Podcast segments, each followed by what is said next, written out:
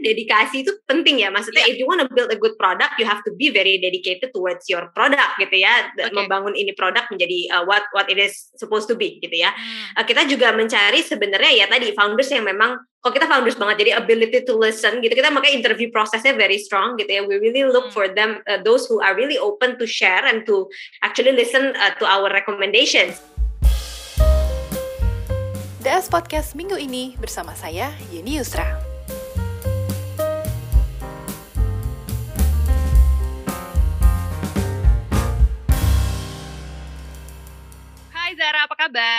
Hai Mbak Yeni, baik. Keren banget sih Impact 2. Talk to me about Impact 2 before we dive into the conversation, Zara. Apa sih sebenarnya Impact 2 itu?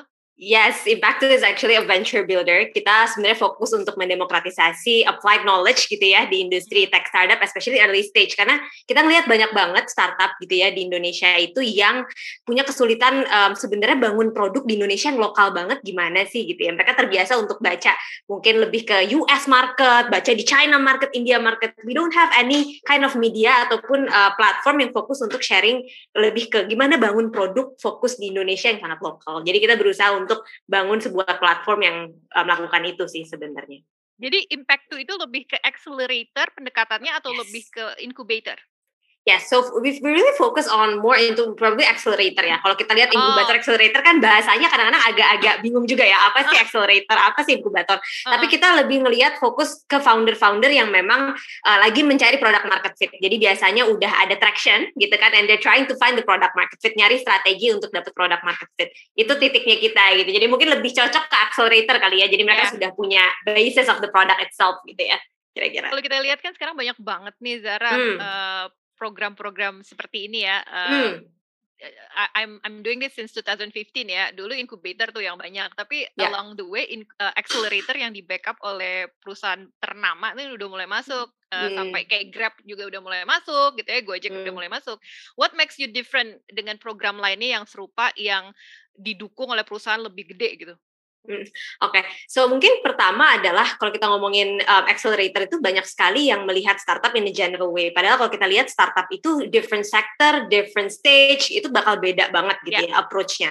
Approach-nya yeah. dan banyak banget uh, accelerator yang kita lihat membuat satu kurikulum for all gitu ya, one curriculum for all. Nah ini yang kita rasa agak-agak mungkin tidak Gak tepat gitu ya? approach-nya. Iya, hmm. jadi banyak sekali mungkin kadang-kadang oh kita belum sampai stage itu, tapi udah dipaksa untuk dapat materi A materi B, materi C gitu. Yeah. Jadi kalau di impact to build gitu ya, terutama akselerator kita, terutama namanya impact to build, kita fokus banget untuk um, dapetin dulu pain point para startup. Sebenarnya startup ini masalahnya apa sih untuk mencapai product market fit? Setiap startup masalahnya beda-beda. Ada yang masalahnya di hmm. business development, ada yang masalahnya di produknya, ada yang masalahnya data mindsetnya yang harus kita kembangkan gitu. Even like uh, kebiasaan mereka untuk menggunakan data. Jadi kita benar-benar bikin kurikulum tuh spesifik gitu kan untuk mereka. Dari pain point itu kita turunin kira-kira apa sih sebenarnya kurikulum yang tepat atau kayak siapa coach yang tepat. Kita punya 90 hmm. coach gitu ya di Impact tuh dari dari 2020 kita udah punya 90 plus coach yang mereka tuh ekspertisnya beda-beda semua. Ada yang wow. founders, ada yang orang produk gitu kan. Jadi ada yang orang industri yang bisa ngebantuin untuk uh, brainstorming dengan para startup founders kita nih, gitu kan, tentang pain pointnya masing-masing. So it's pretty customized, makanya kita setiap cohort nggak nerima banyak-banyak gitu ya. I think we accept uh, apa 20 yang uh, for the group coaching and then five for like the the one on one coaching karena kita benar-benar perlu bikin a very customized curriculum gitu kan. Dan kalau tadi dibilang didukung oleh company-company besar, um, yeah. untungnya kita juga sebenarnya didukung juga nih gitu ya okay. dengan our innovation partner sebenarnya. Jadi kayak oh. Mitrans, Panasonic, right. Kominfo dan juga WGS Hub itu ngebantuin kita in terms of um, tidak hanya support monetary tapi also support in kayak WGS Hub memberikan tech talents buat our startups lima oh. itu gitu ya. Jadi seperti itu banyak support-support seperti itu yang dibantu oleh innovation partners kita saat ini. WGS Hub juga lumayan tuh ya. Uh, I've talked to mm. WGS Hub before. Tapi in terms of uh, mentor nih Zara, mm. ada yang bilang kan uh, mentor itu mempengaruhi dari program accelerator. Tapi correct me mm. if I'm wrong. Kalau menurut Zara lebih ke kurikulumnya atau lebih bekerja sama dengan mentor yang ternama sih? Mm, Atau I ternyata okay. mentor nggak harus punya nama besar asal mereka punya skill dan talkative dan bisa memberikan edukasi yang uh, relevan untuk uh, star founder, kayaknya lebih oke okay gitu. Oke, okay, kalau mungkin kalau aku trace back ke impact tuh gitu kali ya. Karena kalau kita itu sama sekali benar-benar nggak suka ada satu kurikulum yang satu. Karena bagi kita every startup is unique, so have their own okay. problems, have their own approach. Jadi kalau di kita memang adalah mencari uh, mentor atau coach kalau di kita bahasa coach not mentor gitu ya oh, coach iya. yang memang punya pain point serupa se sebelumnya gitu rata-rata kan coach kita adalah founders founders juga jadi sebelumnya uh. adalah pernah merasakan hal yang sama seperti all this early stage startup gitu pernah ada di yeah. posisi susah misalnya akuisisi startupnya apa akuisisi um, uh, usernya susah atau misalnya uh. atau retentionnya susah banget nih mempertahankan retention nah itu kita benar-benar tahu profile every of our coaches gitu kan yang cocok yeah. dengan any kind of pain point jadi kalau bagi kita kalau ditanya lebih penting kurikulum atau lebih penting sebenarnya the, the coaches kalau di kita lebih lebih penting adalah mengetahui coach yang tepat untuk jenis masalah dari setiap yeah. startup ya. Kalau aku ngeliatnya kayak gitu sih ya. Yes. Gitu. Hmm. Kalau hmm. dari kategori startup sendiri agnostik nggak sih atau uh, mungkin ada hmm. hidden agenda nih karena impact mungkin uh, partnershipnya dengan Metrans, WGF, oh. Panasonic, ada ada beberapa yang mungkin mereka eh gue titip dong mau startup yang kayak gini buat gue nanti bisa gue eksekusi uh, lebih mendalam gitu. Enggak sih, kalau kita sebenarnya very uh, sector agnostic. Yang kita perhatiin okay. founders ya, benar-benar founders Mbak Yani. Karena gini, hmm. bagi kita founders yang bagus gini, gak, gak founders tuh sebenarnya kalau bagus gak perlu diakselerasi, gak perlu diinkubasi. Tapi mereka perlu yeah. brainstorming gitu ya biasanya. They need to brainstorm with people yang mungkin pernah mengalami masalahnya mereka dan lain-lain. So yeah. we try to find founders yang memang punya really caring towards the problem that they're trying to solve. Pertama itu yang paling penting gitu ya. Kedua memang punya mindset untuk grow gitu ya. Mereka mau mendengar gitu. Mereka kan ada typical founders mungkin yang very um, sangat um, apa ya uh, terikat sekali dengan produknya dan mereka nggak mau dengar saran orang. Yeah. Nah kita nyari memang founders yang ingin juga memang mendengar uh, saran orang gitu ya. Yeah. Jadi memang uh, we're trying to find those two types of founders. Satu memang yang tadi ya yang ngerti banget problem yang mau di solve apa. Mereka sangat kuat gitu ya understanding towards the problem. Kedua adalah memang yang punya growth mindset, want to listen, want to iterate gitu kan. Itu yang kita cari sih sebenarnya. Gitu. Jadi nggak ada agnostik ya. sih. Apa agnostik lah, nggak ada sektor. Yes. Uh, like I said before, Zara, I've been doing this since uh, 2015 dan accelerator sama incubator program dulu sama sekarang tuh beda banget. Hmm. Apa sih hmm. challenge-nya buat impact tuh untuk bisa menggelar program yang hmm. sukses ya? Artinya mendapatkan startup yang berkualitas, foundernya juga hmm. mau dibimbing gitu ya, di nurture hmm. dan lebih fleksibel gitu. Hmm. Pandemi mempengaruhi kurikulum atau kategori bisa atau pelajaran yang diberikan atau ternyata karena startup tidak ada perbedaan sama sekali, tidak ada hubungannya okay. antara pandemi dan sebelum pandemi gitu.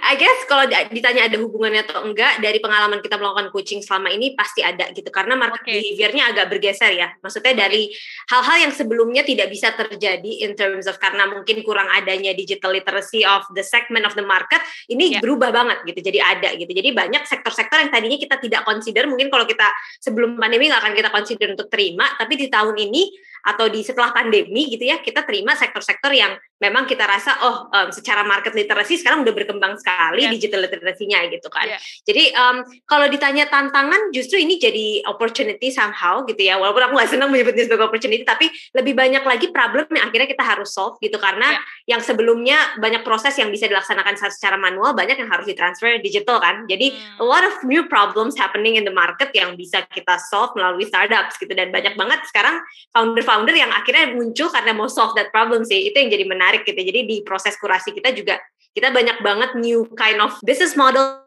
yang datang ke kita waktu mereka apply dan lain-lain yang akhirnya kita juga uh, dari dari 20 startup dan juga lima startup yang terpilih untuk one on one itu kita cari benar-benar beda-beda each segment ya gitu each, each startup have different segment dan juga different sectors gitu yang kita, cari sih. Seru banget yang tadi Zara mention karena memang benar pandemi melahirkan beberapa kategori bisnis hmm, baru. Social commerce yang tadinya yes. uh, diam-diam aja tiba-tiba sekarang jadi booming Betul. gitu ya. Uh, atau new economy, kreatif uh, uh, new new apa kreator ekonomi gitu. Itu juga sekarang juga Betul. lagi booming. Itu bisa jadi masukan juga ya buat impact tuh untuk di accelerate ya.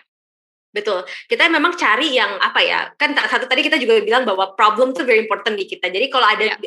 banyak banget yang kita oh there's there's a new problem misalnya di agriculture ya. Kita juga ada beberapa startup di agriculture. Yes. Mereka they, they have like oh we have new problems di agriculture yang muncul yes. karena memang harus di digitalize nih gitu kan. Nah, itu hal-hal baru itu yang akhirnya um, kita jadinya terbuka pada banyak sektor akhirnya yang tadi awalnya mungkin very limited towards yang udah bisa di digitalize aja gitu sektornya kan. Tapi sekarang udah it's very wide gitu. Anything can be digital after the pandemic of course gitu ya.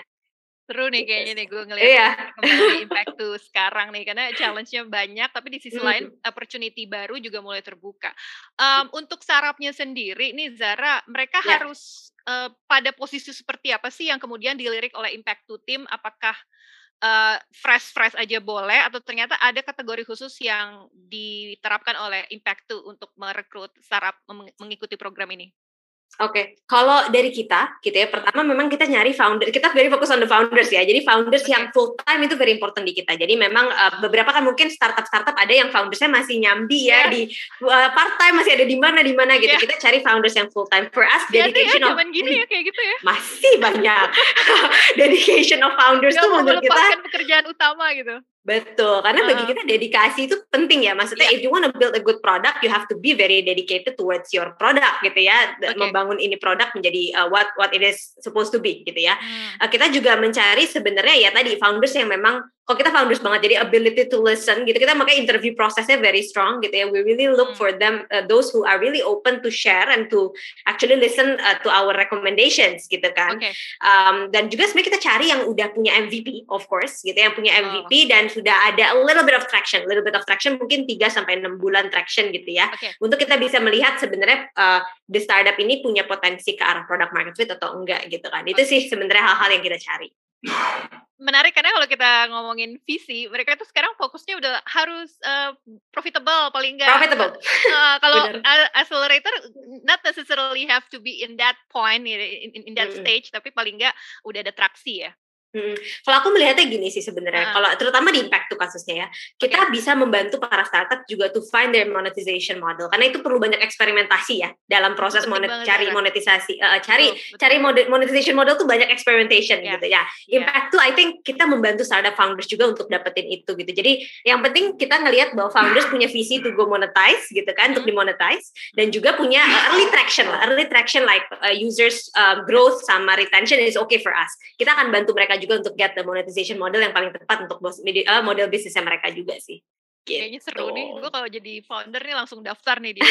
Aduh, thank you Tapi, uh, Zara, talk to me about added value. Karena kalau kita lihat kan funding penting, tapi mm -mm. ada added value lagi nggak sih yang diberikan impact tuh mungkin networking mm. atau integrate integrasi dengan uh, partner atau gimana gitu? Okay. Ya, yeah. I think apart from the um, satu memang network ya, network ke para coach kita. Karena kita punya very tadi aku udah share 90 coaches. Ini extensive banget. Um, all the founders of great found uh, great startups kayak Sociala, Julo, um, uh, name all um, apalagi sayur box gitu happy fresh. Mereka a part of our uh, coaching ecosystem gitu ya the coaches. Pertama itu. Kedua memang kita kan punya partner juga kayak tadi WGS Hub dan sebagainya yang akan providing tech help juga gitu ya. Jadi hmm. kita akan kasih uh, apa namanya tech developers for the next two to three months gitu untuk para founders um, at least to support them gitu kan also juga dari Mitrans juga kita ada kerjasama to, to actually collaborate in terms of how we can um, develop product yang sesuai dengan dengan um, the payment gateway of Mitrans gitu ya in some sense jadi yeah. memang kita um, dengan para innovation partners kita kita juga ada beberapa kolaborasi seperti itu sih gitu ya. Oke. Okay. kira uh, untuk mereka yang mau mendaftar menjadi sekarang udah di batch keberapa nih Impact? Oke, okay, kita masih udah proses? Uh, kita udah udah actually kita udah masuk ke first batch nih. Udah udah ditutup gitu ya, udah udah ditutup. Okay. Cuman kita tentunya akan ada next batch lagi gitu ya, tapi di tahun depan kemungkinan besar itu tinggal sebenarnya bisa langsung aja ke impact2.io, bisa langsung daftar di situ ada uh, there's a space for you uh, startups untuk actually daftar di situ sih hmm. for next. Aduh, seru banget nih Impact. Kita tunggu ya uh, hasil dari batch pertama atau keberapa batch nih? pertama ini batch oh, pertama wow. kita yes okay, we actually kita... run usually run other programs sekarang ini impact to build pertama kali ini first batch oke okay.